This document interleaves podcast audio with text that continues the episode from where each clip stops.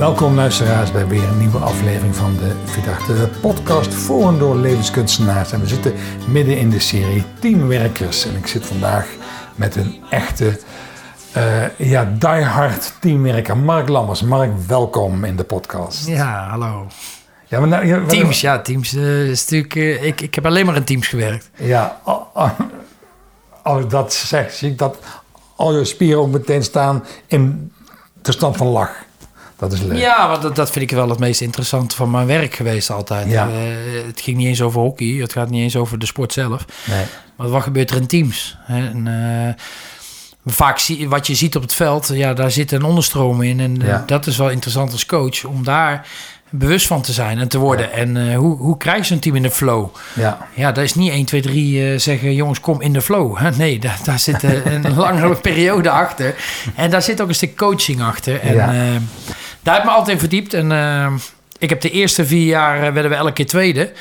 Dat was goed. De laatste vier jaar elke keer eerste. Hè, dat was goud. Ja. En ik kan zeggen, het verschil tussen goed en goud zitten met name in, uh, in dit thema. Ja. Ik denk dat ik de eerste jaren de beste spelers had in mijn team van de wereld, maar niet het beste team. En dat komt omdat we te weinig aandacht besteed hadden aan, aan die onderstroom. Wat speelt ja. er in het team en wat is het verleden gebeurd? En ja. dat neem je mee, ook al gaan er vijf spelers weg. Het blijft in het team zitten. En, en dat moet je aanpakken. En dat hebben we ook de laatste vier jaar veel meer aangepakt veel meer ook uh, die lessen gedaan. En daarin uh, hebben we heel veel stappen gemaakt toen. En daarin zeg je dus dat misschien niet uh, dat je degene in je team wil die het beste is, maar degene in je team wil, wil die het beste in het team past. Ja, ja, want uiteindelijk gaat het om dat je. Het, ja, je hebt, je hebt, in een team heb je een gezamenlijk doel nodig. Hè? Mijn ja. spelers spelen op zondag al tegen elkaar, dus dat is redelijk vechten met die clubs. Ja. Uh, landskampioenschappen, uh, daar gaat erop. Als ik op maandag niet de Olympische Spelen laat zien, dan vechten ze nog gewoon door. dus je, je, moet, ja, je moet dus wel eerst met je team een gezamenlijk doel hebben. Ja. Anders heb je elkaar niet nodig. Okay. Dus dat is al een basisding, een gezamenlijk doel. En, ja, en, en, dan gaat het dus echt om mensen. Het hockey, daar kunnen alle landen even goed. Weet je, daar gaat het niet om. Het, het gaat erom welk team is op dat moment in de juiste vorm... en heeft het juiste balans in die diversiteit. Want het sterkste teams zijn wel de teams met de grootste diversiteit. Maar een grootste diversiteit uh, geeft ook wel af en toe wrijving. Hè? De, je kunt je voorstellen als iemand heel introvert is of iemand heel extrovert. Ja, die vinden elkaar niet zo leuk. Maar wij hebben geleerd, uit onze lessen, hebben we geleerd dat, uh, dat, dat het jouw allergie is. En dat het niet een, de schuld ja. van een ander is, maar het ligt bij jou. Het is jouw allergie. Als ik kijk naar mezelf, ik ben daadkrachtig. Ja, het tegenoverstel van daadkracht, dat is passiviteit. Dus ik kan een hekel aan passieve spelers. Later ben ik erachter gekomen, ja, maar wacht even. Met alleen maar daadkrachtige spelers word ik geen Olympisch kampioen. Nee. He, want ik zelf uh, scoorde nooit. Ja, dus dat is ook niet goed. Je moet ook spelers hebben die rustig zijn, die ja. de bal afwachten als spitsen. Ja. En dan de bal inschieten. Ja. En dat kon ik niet. Dus, dus ik wilde de eerste vier jaar te veel kopietjes van mezelf selecteren. Terwijl ik later heb geleerd van, je moet wel diversiteit hebben in je team. En dan is, wat een van de vorige podcasts ook naar boven kwam, dan is af en toe strijd ook best prima. En die strijd moet wel functioneel zijn. Ja, je gebruikt mooie woorden, Mark. Dat gaat, dat gaat raden snel, dat vind ik leuk. Ja. Um, ja, dus ik, ik vang ze, ja, de, de, de, woorden. Uh, wat ik gewoon zeggen is, um, het start met het hebben van een gezamenlijk doel. En weet je, in het bedrijfsleven is, is het natuurlijk anders dan in de sport. In, in de sport, bedoel, de sport die jij hebt gedaan, die ik heb gedaan, die heet teamsport. Dus dan, dan, dan is het al helder dat je, dat je elkaar nodig hebt om de bal van A naar B te brengen. Maar in bedrijven zie ik ook vaak dat mensen bij elkaar worden gezet in een team. Waar mensen helemaal niet bewust zijn van, we hebben een gezamenlijk doel. Nou ja, ik, ik kom natuurlijk veel met uh, mijn presentaties bij veel bedrijven. Ja. En dan zeg het, uh, vaak de directie zegt tegen mij, ja Mark, je moet er iets aan doen, want de afdelingen werken niet samen. Ja. En dan vraag ik, was het gezamenlijke doel dan van al die afdelingen? Ja. Nee, nee, ze hebben allemaal een eigen doel. Ik zeg, ja, dus hoeven ze niet samen te werken. Want iedereen heeft zijn eigen doel. en dat zie je in het bedrijfsleven dus duidelijk, dat het gezamenlijke doel is niet belangrijk. En eigenlijk zit voor het gezamenlijke doel nog een andere iets wat je als team heel belangrijk gezamenlijk moet maken, is de gezamenlijke why. Ja. Waarom staan wij hier op het veld? Waar doen wij hier? En dat is niet een wedstrijd winnen. Dat is, je wil iets betekenen. Je wil iemand zijn. De purpose, ja. ja. En dat wordt ook vaak overgeslagen in het bedrijfsleven, maar ook in, in de sport. Ja. Elk goed bedrijf heeft een duidelijke purpose. Coolblue, misschien wat hardst groeiende bedrijf, veel harder dan, groeit harder dan bol.com. Waarom? Alles met een glimlach. Ja. Zij willen mensen blij maken. Ze willen mensen helpen. Ja. En ze willen hun eigen personeel ook blij maken. En dat, dat, dat, dat is de why van hun. En dan pas komen de doelen. Ja. En waarom gaat het dan fout? Heb je dan het idee dat, dat leiders dat onvoldoende duidelijk maken? Of, of is er onvoldoende aandacht voor de menskant in teams? Want wat, dat is een beetje wat, wat ik wel eens meemaak. Ja, ik, ik, ik loop ook in, in bedrijven rond. Dan zie ik dat, dat eh, de omzet is heilig, dat is van belang. De manier eh, eh, hoe we werken, onze strategie, ons, eh, ons plan is ook heilig, is helder. Maar hebben we ook aandacht voor de menskant? Omdat dat vaak wordt om- omschreven als soft. Terwijl ik juist denk dat dat niet soft is. Nee, dat hoeft maar, niet soft te zijn. nee. Maar dat daar juist de winst te behalen is. Hoe, Nee, ja, ik- kijk, ik heb, ik heb in mijn laatste boek, Flow, heb ik ook eh, wetenschappelijk onderzoek erbij gehad. Veel mensen vragen altijd, what's in it for me? Hè? Wat heb ik eraan? ja. En vragen toch vaak tegenwoordig, is het wetenschappelijk bewezen? Nou, eh, er is een eh, Hongaar in Amerika, heeft 40 jaar lang eh, onderzoek gedaan. Met een mooie achternaam. Ja, een hele la- moeilijke achternaam. Chichi Miliai, die heeft een eh, onderzoek gedaan. En daar ben ik eens gaan lezen, gaan kijken. En ja, die komen op 11 punten. En één daarvan is dus dat gezamenlijke why, gezamenlijke doel. Ja. En wat er nog heel mooi uit het onderzoek komt, en dat eh, heeft een beetje te maken met dit thema, is Ja. als je naar de menskant kijkt, mensen komen pas in de flow als ze erkenning en waardering krijgen. Als iemand mogen zijn, er is een veilige omgeving, ik mag zijn wie ik ben. En daar zit al een menskant aan. En dat Ja. gaat dus even niet over hoe ik een bal stop of speel. Nee, het gaat erom, ik mag er zijn en ik mag in dit team spelen. En ik ben belangrijk voor het team. Ik voel me gedragen door het team. Is Ja, precies. Ja, en erkenning krijgt en waardering voor de kwaliteiten die je hebt. Ja. Dus, dus, dus is het ook belangrijk om veel te trainen op het punt waar je juist goed in bent. En Ja. niet waar je slecht in bent. Ja. Eh, er is nog iets anders wat heel duidelijk uit de onderzoeken komt. Is mensen komen pas in de flow als ze eigenaar zijn van datgene wat ze moeten gaan doen. Eigenaar zijn van de tactiek, van de strategie. Eigenaar van de doelen. Eigenaar van de why. En wat gebeurt er vaak in het bedrijfsleven, maar ook in de sport? Het wordt vaak door één iemand opgelegd, door de directeur. En die zegt, dit is onze why, dit zijn onze doelen en dit gaan we doen. Het oude hiërarchische. Denken. Ja. Ja, en, en als je dan naar de menskant kijkt, dan maak je een mens echt wel heel klein en onbelangrijk. Want eh, eh, het maakt me niet uit wie jij bent, jij moet tegen gewoon gaan doen. En er wordt dus helemaal niet naar je talent gekeken. Er wordt niet naar gekeken van wat, wat, waar word jij blij van? Waar eh, zit je, wanneer zit je goed in je vel? Ja. Daar wordt er niet naar gekeken eh, door de hiërarchische vorm. Ja. En als je ook ziet bijvoorbeeld de, de, de, de Gordon Ramsays in de, in de sterrenkeukens was even in hè. Nou, die sterrenkoks, hier in Den Bosch zit een sterrenkok, die is op zaterdag, zondag dicht, heeft geen personeel meer. Ja. Dus, dus je moet ook mensen in de keuken, moet je erbij betrekken van luister, hey, zou jij niet eens een keer een toetje maken over een maand? Nou, dan, eh, dan wordt hij wakker, hè, die kok. En dan moet hij gaan nadenken. Dan moet hij De kok als coach. ja, en, en ik heb dat ook zelf meegemaakt als coach bij het Nederlands hockeyteam. De eerste vier jaar was ik heel hiërarchisch. En we, we wonnen elke keer niet. Waarom? Ze zaten nooit in een flow. Waarom? Die spelers waren geen eigenaar. Elke keer in de finale keken ze elke keer naar mij. Wat moeten we nu doen, Mark? Wat moeten we nu doen? En ik was elke keer te laat. En het- was een doelpunt tegen, eh, voordat ik iets kon doen. Toen heb ik ook gezegd, luister, ik ga dat ook anders doen. Ook vanuit het onderzoek vanuit Flow heb ik gezegd van, luister, eh, ik ga ze meer eigenaar maken. Dus ik ben veel meer open vragen gaan stellen. Ik ben niet meer gezegd, jij moet dit niet meer doen. Ik ben gaan vragen, oké, verdedigers. Kijk eens even naar deze vijf fragmenten. Presenteer over een week, presenteer aan de rest van de ploeg... wat jullie in deze vijf fragmenten denken dat er beter kan. En ik zeg ook beter, want ik geloof heel erg dat teams die bezig zijn met beter worden... komen sneller in de flow dan teams die bezig zijn die moeten winnen. Want op winnen en verliezen heb ik geen 100% invloed op. Heb je scheids, weer, veld, alles. Waar ik wel 100% invloed heb, is op een verbeterpunt. Investeer in, in, in de actie, in elkaar en niet in, in, in ja. In het eindresultaat. En In de uitkomst. Nee, je hebt 100% invloed op je eigen acties, Proces, je eigen proces. voorbereiding, je eigen eh, opleidingen. Eh, Ja. je, hebt, je hebt zelf 100% invloed hoe je jezelf opleidt. Ja. En welke eh, ondersteuning, welke keuze. Je hebt 100% invloed of je gecoacht wil worden, ja of nee. Dat bepaal Maar jij. Alleen al het feit dat je zegt, ik laat, ik laat mij de vijf elementen zien, vijf momenten zien. Dan ben je dus met een groep van op weg om winnaar te zijn, ben je aan het investeren in elkaar. Ik heb het idee dat binnen bedrijven, jij of ik of wij, pas op het moment dat bijgehaald worden als er shit is. Dus, dus, dus ik heb het idee Ja. dat, dat organisaties veel te weinig investeren in elkaar op het moment dat het oké is. Dus, dus, dus er is voor mij, volgens mij alleen maar eh, noodzaak om iets te doen aan een team als je ziet dat het eh, eh, als het niet goed gaat, mensen, Ja. mensen gaan ontslag nemen, de rode cijfers gaan komen, dan, dan Ja, ik word ook veel, inge- ingehuurd als er iets, iets niet goed is. En ik, Ja. ik zeg tegen die bedrijven ook, ik zeg jongens, je hoeft niet ziek te zijn om beter te worden. Ja. Eh, Dus, dus je, het, is, het is gewoon een proces. Hetzelfde wij in de sport, wij trainen. Wij trainen niet alleen maar de, de harde kant van het hockey, wij trainen ook eh, de typologie trainingen. Hè? Wat voor types hebben we in ons team? Dat maken we herkenbaar. Herkenbaar kost heel veel tijd Ja. om daar ook met elkaar over te praten. Wat zijn de verschillen? Wat zijn de overeenkomsten? Ja. Waar liggen jouw talent?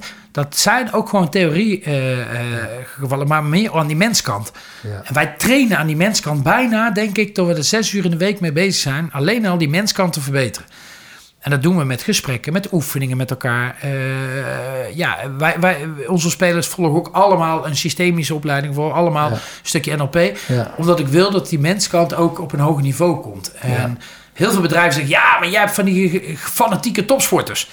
En dan zeg ik tegen die bedrijven... zeg ik, ja, maar stop even. Jij hoeft niet te hockey tegen ons. Nee. Jij moet jouw mensen Precies. 5% beter maken dan de concurrent om de hoek. En die doet, doet ook niks aan de menskant. Dus als jij nou eens 10% van de tijd besteedt aan verbeteren... en dat kan op de harde kant zijn, de lean kant... eh, ik zeg het liever learn...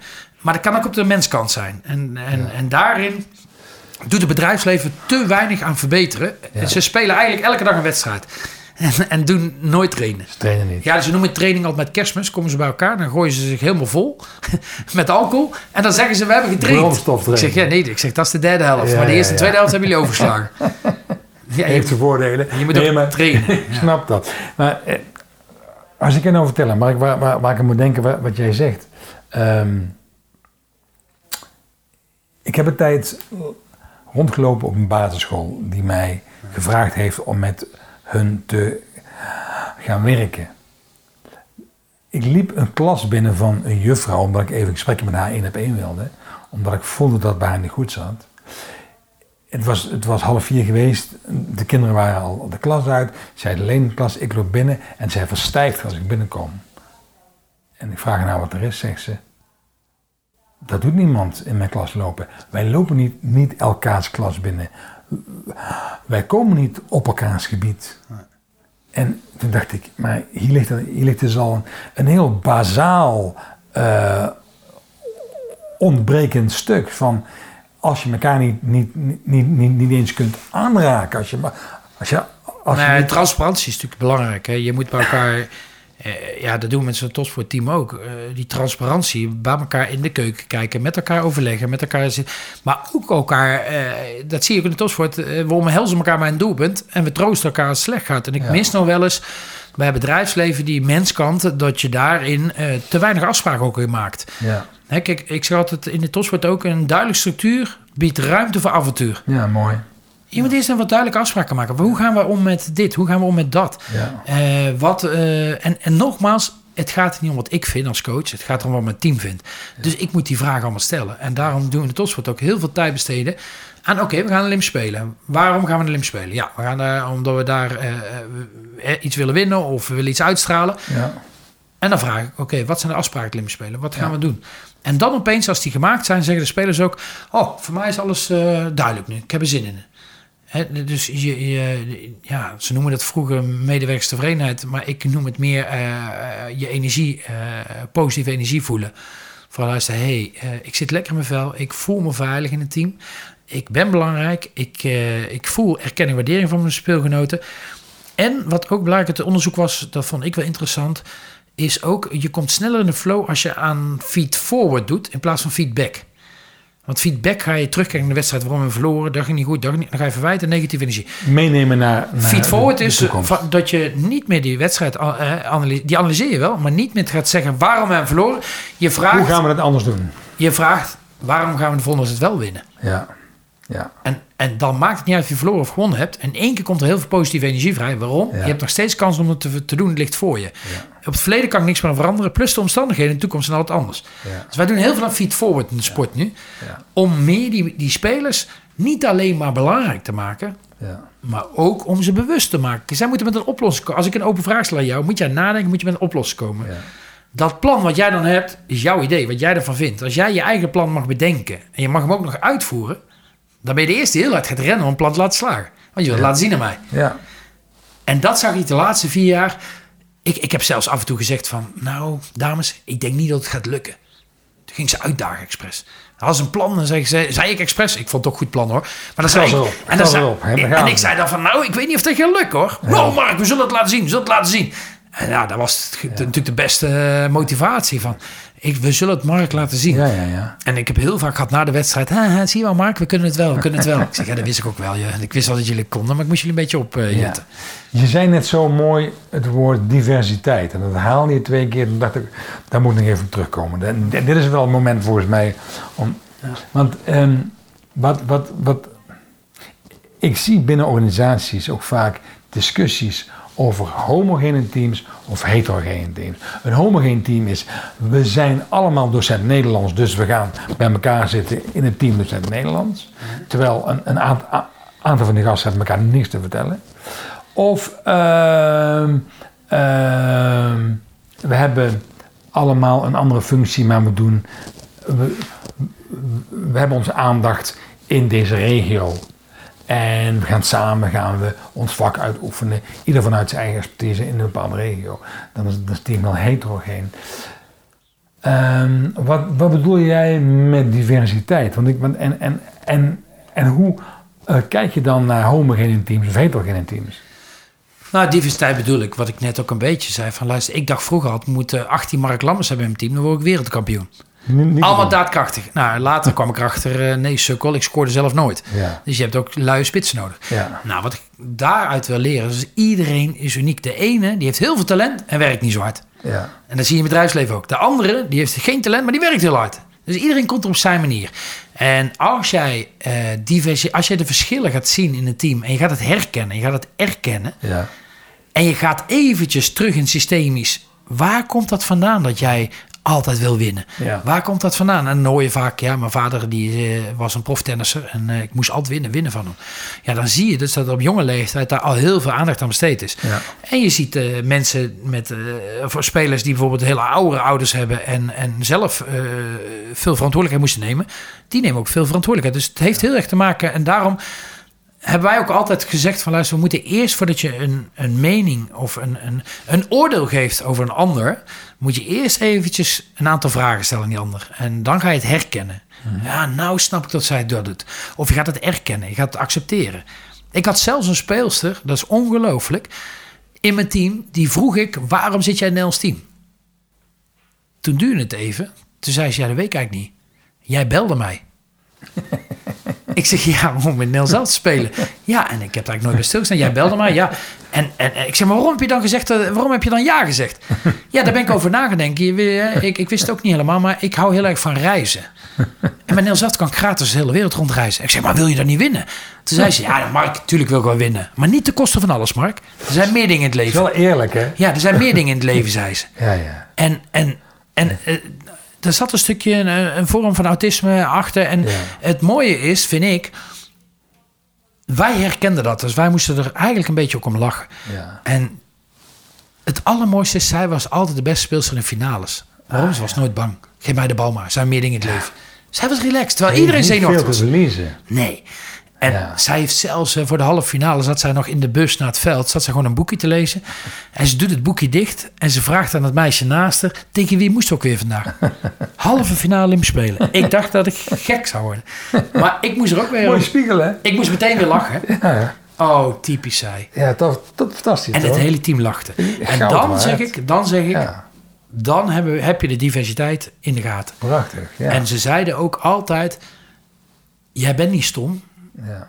Jij zit even in mijn allergie. ja. En, en dat is bij de ene keer als je moe bent, is dat iets groter dan bij de andere keer. En het ligt bij jou. Ja. En dan Ja. ben, Maar ik, ben ik trots dat, dat we heel veel aandacht hebben besteed. Ja, Wij noemen dat MBTI, Myers-Briggs Ja. Type Indication. Eh, sommigen noemen het eh, kernkwadranten of disc, of eh, maakt niet uit. Maakt het niet gaat uit. er mij om, je moet het herkennen. Herkennen en dan pas ga je de ander accepteren. ja. Maar wij zeggen heel vaak in het bedrijfsleven, zeggen heel vaak, accepteer nou eens zoals hij is. Lukt je vaak één dag. En de volgende dag kom je op kantoor en denk je, doet hij toch weer? Maar het feit, eh, het feit dat jij herkennen en erkennen zo makkelijk achter elkaar zegt, betekent dat jij gewend bent om met een team om stil te staan bij de echte betekenis van anders zijn en binnen organisaties zie ik heel veel dat we iets uitspreken, ja, up en door. En, en dus, dus je gaat elkaar niet onderdompelen in het echte gevoel wat er is. En, en, en um, wat ik zo mooi vind, ehm, ik, ik, ik hoor jou steeds dingen roepen over, over stilstaan en weer vooruit gaan. En, stil, en in het, in het met elkaar stilzitten over wat hebben we nu, dat is ook de informatie die je gebruikt om, om weer te investeren in vooruitgaan, wat je, wat je net ook zegt. Ja, maar waarom gaat het, uh, Peter, waarom gaat het bij familiebedrijven beter nu dan bij uh, de multinationals die uh, door aandelen gedreven worden? Waarom? Die hebben duurzaamheid in hun pakket. Van luister, we willen mensen langer bij ons houden en we, we willen betekenisvol zijn. Dus zij, verbinding. zij zeggen veel vaker: wij vinden de mensen belangrijker dan de winst. Ja. Uh, want zij willen continuïteit met de familie. Ja, ja. En dat vind ik wel het mooie. Dat mensen dat toch ook steeds belangrijk gaat vinden... is dat het niet meer om de winst gaat. Nee. En dan beginnen nu zelfs uh, bedrijven met uh, private equities... beginnen erachter te komen, want ze raken hun personeel kwijt. Ja. En die gaan bij familiebedrijven werken, want daar ben ik iemand. En dat zie je dat zie je ook wel terug in, in, in, in, heel veel bedrijven. Om, ja, omdat ik denk dat het gewoon heel belangrijk is dat je, dat je aandacht besteedt aan het verbeteren. En het verbeteren doe je dus ja. door even op de rem te trappen. En ja. if you want to go fast, first slow down. Ja. ja, ja, dat is mooi. Kijk, een teambespreking kost twee, drie uur. En dan zou je zeggen, ja, maar die drie uur had je ook kunnen trainen, had je ook kunnen werken. Als je even een daily stand doet, dagelijks even 20 minuutjes met elkaar gaat staan en even de dag doorneemt, ja. zeg je, ja, het kost 20 minuten. Maar je wint het terug, want je hoeft elkaar geen e-mails meer te sturen. Ja. Ik heb laatst een uh, student die heeft uh, metingen gedaan binnen een bedrijf. Hoe, uh, hoeveel e-mails er binnenkwamen. Ja. 80 e-mails kwamen er binnen en dan gingen er nog eens 60 uit. De, dus, en die heeft gaan uitrekenen als hij al die mails die binnenkwamen, zou ze lezen, alles cc's, reply alls, allemaal zou lezen, zouden er 32 uur mee bezig zijn in de week. Dan zijn er maar acht uur over over het werk. En dan zeggen we werkdruk, werkdruk. Ja, vind je het gek met al die cc's en die repliers? Ja. Dus, if you want to go fast, first slow down. Ga eerst 20 minuten zitten. Die bedrijven die dat nu doen, dat is laatst weer een onderzoek gedaan. De bedrijven die nu 20 minuten even daily stand doen met elkaar, die hebben 40% minder e-mails. Ja. En die hebben opeens 8 uur meer tijd in een week. Ja. En dan zeg ik ook van, ja jongens, meten is weten ook en dat. En dat is misschien niet de menskant, maar het hoort er wel bij. Je moet ook de menskant meten, anders weet je wanneer je kunt verbeteren. En ik vind dat ja. de bedrijven de menskant te weinig meten. We meten ja. allemaal de harde kant, de ja. winst, de kosten. Maar meten wij wel eens... Ik, ik meet bij België, elke ochtend hadden ze vier vragen van 0 tot 10. Hoe vind je de teamsfeer? Geef de veiligheid eens aan in een cijfer van 0 tot 10. Oh, dat is een 8. Of nou, gisteren is uh, dit gebeurd, geef toch een 4. Dus ochtends wisten wij al, er is iets aan de hand met de teamsfeer. Zeker nu met, met alle uh, MeToo-verhalen en dingen... is het wel belangrijk dat je weet, dat je meteen weet hoe is het vandaag. Vraag 2 is hoe is je energielevel? Uh, goed slapen, nergens last van. Vraag 3 is uh, hoe is je privé-situatie? Hoe gaat het? Hoeft niet mee te moeien, zeiden ze. Ik zei nee, ik wil alleen weten het een 8 of 4. En als er bij ons een 4 valt, gaat er een rood lichtje branden op de telefoon. Niet bij mij, nee, bij de sportpsycholoog of bij de dokter. Ja. Ja. Bij de specialisten. Het blijft jouw geheim. Ja. Maar wel na vijf dagen gaat de dokter wel tegen je zeggen... Mm, Mark gaat weer hard trainen. Hè? Als jij zo doorgaat, ben je daar geblesseerd en burn-out. Hè? Vraag 4 is wel voor mij. Geef eens een cijfer tussen jou en je leidinggevende. Ja. Nou, op het begin is het allemaal sociaal wenselijk. Daar heb je niet zoveel aan. En ik kreeg op een gegeven moment ook uh, na, na twee weken alleen maar achters en negens. Dus ik was echt best zo goed, dacht ik. Tot op een gegeven moment een van die spelers gaf me een vier. Dus ik ging natuurlijk zeggen, wat is er aan de hand? Normaal ja. is het een acht, nu is het in één keer een vier. Wat is ja. gebeurd? Toen zei hij, ja coach, ik speelde gisteren acht minuten minder dan normaal. Dus ik denk dat hij mij niet meer zo goed vindt of mij te oud vindt. Ik zei, nee, we hadden een blessure met strafcorner. Er moest iemand anders, die, die moest langer aan het veld staan, zodat ik een schutter. En die stond toevallig op jouw plek. Toen zei hij, alleen, nou snap ik het. Ja. En volgende was het weer een acht.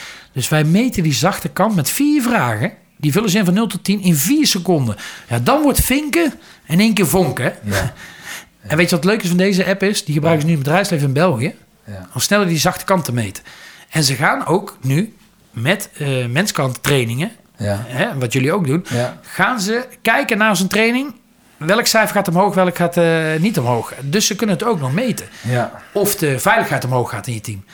Of de, uh, de verantwoordelijkheid lager in de organisatie, zelfsturing, of dat omhoog gaat. Dat kunnen ze allemaal meten. Ik vind het heel mooi dat, dat je dit zegt, maar het vraagt natuurlijk meteen aan de leider ook bewust dat je jezelf ook open durft te stellen Ja, ja. en jezelf wil laten zien. Want, want ja, ik bedoel, ehm, ehm, in hoeveel organisaties is het? Nee. Wij zeggen, ik, ik krijg heel veel mensen zeggen tegen me, Mark, dan verlies je toch gezag. Als je, als je dat... Ik zeg, nee, dat is twintig jaar geleden was dat zo. Ja. En nu win je gezag. Want ik heb ook wel eens een keer na Lim Heel spelen. veel goodwill. Ja, ik heb na spelen, heb, ik weet nog goed, ik heb dat, had dat nooit gedaan. En ik ben na spelen gaan zeggen, dames, het spijt me. Ik heb dit niet, niet goed gedaan met coaching. En dat had ik beter kunnen doen. Ik had veel jullie meer bij me moeten betrekken. Ik trainde te veel op het punt waar we niet zo goed te waren. Toen zei een aantal spelers, ja maar Mark, ik heb, ik heb ook niet zo goed eh, mijn best gedaan. En ik, mijn discipline was ook niet zo goed. En ik heb die bal ook niet goed aangegeven. Ik zeg, hè? Waarom zijn jullie zo kritisch nou naar jezelf? Ja, jij begon. ja, jij begon. Dus, dus het, Maar leuk dat je het herkent. Dat het is- begint bij je, Ja. bij je Ja, eigen tuurlijk. coach. Kijk, en daarom is het ook nog wel eens belangrijk voor leidinggevenden in teams. Wie coacht de coach? Ik had de eerste vier jaar niemand die mij coachte. Dus ik dacht dat ik alles goed deed. Ja, Toen heb ik de laatste vier jaar heb ik gevraagd aan mijn manager. Dat was een hele rustige persoon. Ja. Met heel veel geduld. ja. En die was een beetje het, mijn, mijn uitdaging waar ik aan moest werken. Ik ben daadkrachtig. Te daadkrachtig voor je een drammer. Maar tegenover drammigheid is geduld. Ik moet geduld. Dus ik vroeg aan mijn eh, manager: als jij vindt dat ik aan het drammen ben, doe dan achter in de zaal dat rustteken. Zo met twee handen op en neer. Een rustteken. Dan is dat voor mij een signaal, als een anker. Dus en dan had ik weer een teambespreking. We gaan vanavond nog trainen. We gaan dit nog kijken. En dan zag ik haar achter in de zaal dit doen. En toen dacht ik: eh, Oh nee, nee, nee, we gaan niet trainen. We gaan lekker even drinken. En, we gaan, en toen zeiden ze. Maar Mark, jezus, dit- wat is er veel veranderd? Ik weet niet, maar het is veel relaxter zo. Dus ja, wil jij echt jouw team in een flow? En dan begint het natuurlijk wel met de leidinggevende. Door je kwetsbaar op te stellen. Door vragen te stellen. Ja. Niet jouw informatie te geven, maar inspiratie te geven. Dus het is een hele andere rol dan 20 jaar geleden. Waar je eh, als baas heel hoog in de IQ moest zitten. Ja, En nu moet je heel hoog, vind ik, in de SQ zitten. Ja. En de SQ is een spirituele coëfficiënt. Mensen inspireren. maar het is natuurlijk, natuurlijk een, een- een interessant evenwichtstuk wat er gaat spelen.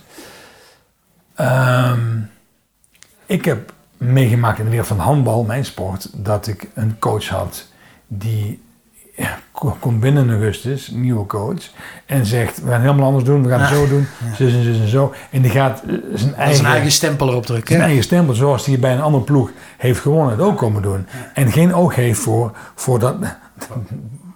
Dat komt in, in een andere cultuur. Je hebt natuurlijk, Ja. natuurlijk gewerkt in verschillende culturen. En ik heb eh, ook, ook coach meegemaakt die helemaal in de lijn van gaat werken. En de waarheid ligt natuurlijk ergens in het midden. Als- je kijkt nu naar een club als Feyenoord, die een andere coach heeft, een jonge coach met een an- andere mindset, die eigenlijk met dezelfde spelers er iets heel iets anders uithaalt dan een jaar geleden. Ja, maar, Dus ja, die, maar, maar dat is natuurlijk een interessant Arne Slot heeft natuurlijk wel geluk, vind ik dan. Hè, die heeft geluk en eh, natuurlijk heb je, is niet altijd geluk en pech, maar hij heeft geluk dat zijn voorgangers hele oud-hierarchische stijlen hadden. Ja. Dus die spelers die vinden een verademing dat hij een keer dingen vraagt. En dat ze mee mogen denken. ja. En ik hoor ook dat, eh, dat hij ook vraagt: jongens, bedenk eens even een nieuwe leuke hoekschop. Ja. Nou, die jongens vinden dat geweldig. Die gaan video Ja. erbij en gaan, gaan iets geks bedenken. Ja. Hij heeft het eh, relatief. Het is veel moeilijker als jij een topcoach hebt en die dan eh, daarna moet komen. Eh, maar het is heel makkelijk, vind ik, als je een hiërarchische leider hebt gehad, is het zo makkelijk om je team daarna in de flow te krijgen. Want het is, alles is, is een verrijking, is een verbetering. En, Ja. en eh, mensen willen echt verbeteren. Hè. Ze willen toch altijd weer eh, bijleren. Of de, Ja. de- en in eerste instantie hebben ze weerstand altijd van... ja, maar ik doe het al jaren zo, waarom moet het nou anders? Hè, en eh, ik heb toch succes, waarom zou ik het anders doen? Dus er is altijd een beetje weerstand. Maar als je merkt, op een gegeven moment... je gaat toch een aantal dingetjes bewust worden... en bewust bekwaam worden... waardoor je het onbewust bekwaam gaat doen... dan word je ook weer trots op de verbetering. Dus Ja. het is even ook pijn lijden, vind ik, vaak beter worden met je team. En, En oh, klopt het dan dat je zegt, verbind met de club, de omgeving, de cultuur, maar ook met jezelf.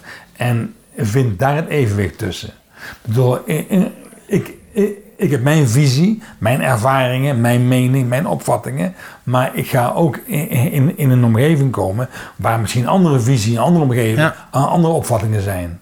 Ja, ja maar ik, ik, ik heb altijd gezegd, ik vind het, eh, het moderne coachvak nu, om zo'n team eh, echt in, in, hun, in hun sterkste eh, hoe heet dat, gevoel te krijgen, in die flow Ja. te krijgen, is situationeel leiderschap. Ja. Situationeel leiderschap betekent, luister, ik moet de situatie weten. Ga ik naar Spanje, dan verdiep ik is me. ermee begonnen? Ja, situationeel leiderschap is dat betekent de ene keer vraag ik open vraag, wat denk jij dat we moeten doen? Maar in de finale Olympische Spelen ga ik niet meer vragen aan jou, wat denk jij vandaag? Nee, dat is gewoon uitvoeren wat we afgesproken. Hè? En jullie hebben het zelf bedacht, jullie hebben dat plan bedacht. En nou gaan we dit zo uitvoeren. Het is jullie plan, dus we gaan het uitvoeren. Dan ben ik Ja. keihard. Ja. Dus dat is vaak het gevaar van poldermodels in het Nederlandse bedrijfsleven.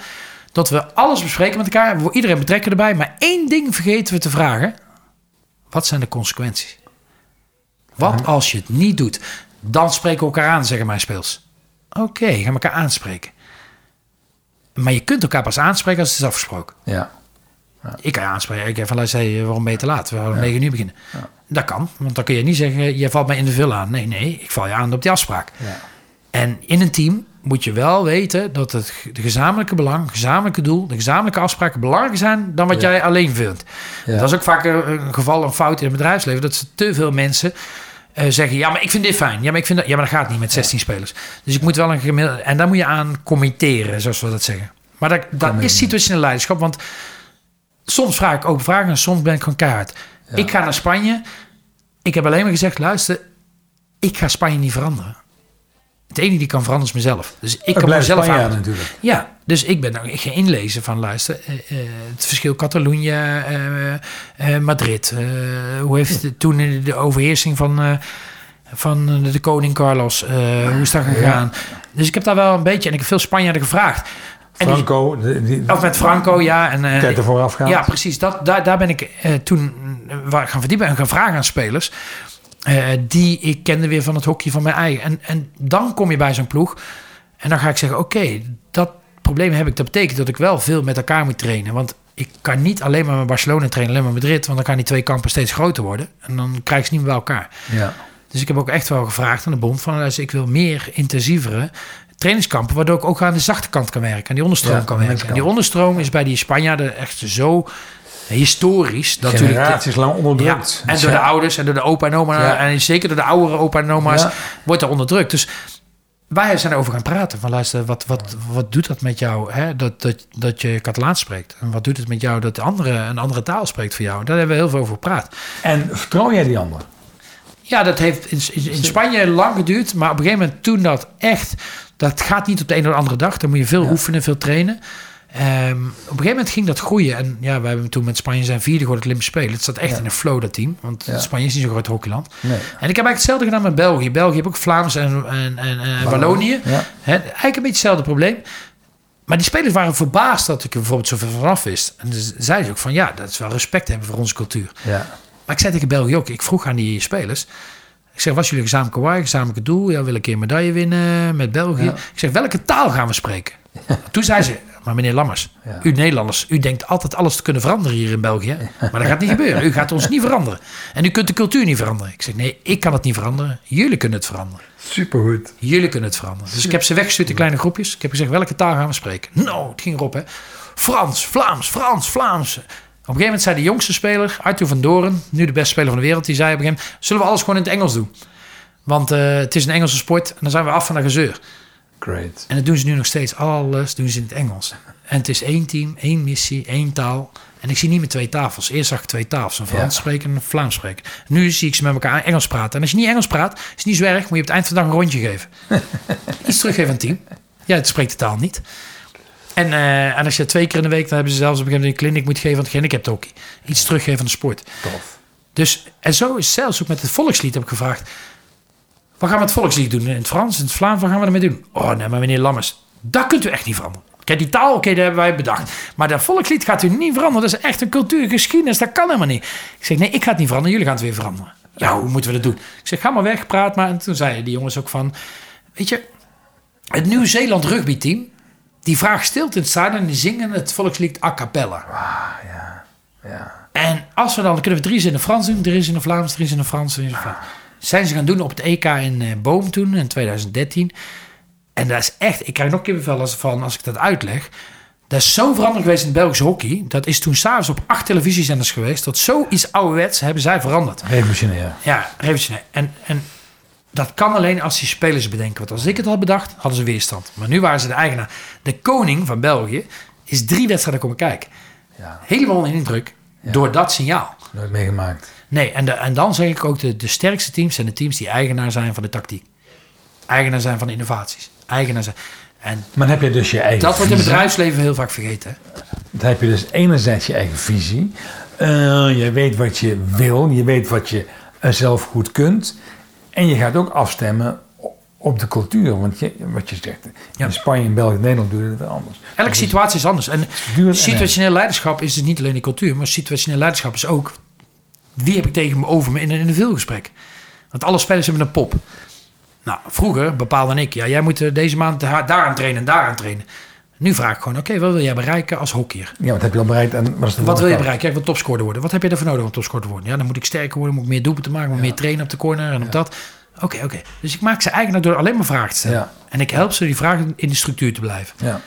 En, en, en daardoor zie je dat, dat ze op een gegeven moment... dat ik moet wel daarin bij de ene speelster iets meer kleinere vragen stellen... en bij de andere speelster kan ik iets meer resultaatvragen stellen. Dus iedereen is uniek. De ene is auditief, de andere is eh, met zien. Heel, heel visueel. Dus, ja. dus ik moet dat wel goed weten. Wil ik het uitste uit mijn communicatie halen? Ja. En dat, dat maatwerk is ook weer een situationeel leiderschap. Welke situatie zit ik? Maar dan ben je dus bereid, Mark, om jezelf ook eh, open te stellen voor. ze geven jou natuurlijk ook eh, een respons of feedback over eh, wat ze gemist hebben. Dus je stelt ook jezelf in de orde. En ik merk dat heel veel leiders het zover niet eens laten komen. Dus, dus, dus je gaat pas goed worden als je bereid bent om ook naar jezelf te kijken. Ja, ja, eh, ik kan alleen praten uit mijn eigen ervaring. Ik heb dat eh, de eerste vier jaar werd ik elke tweede.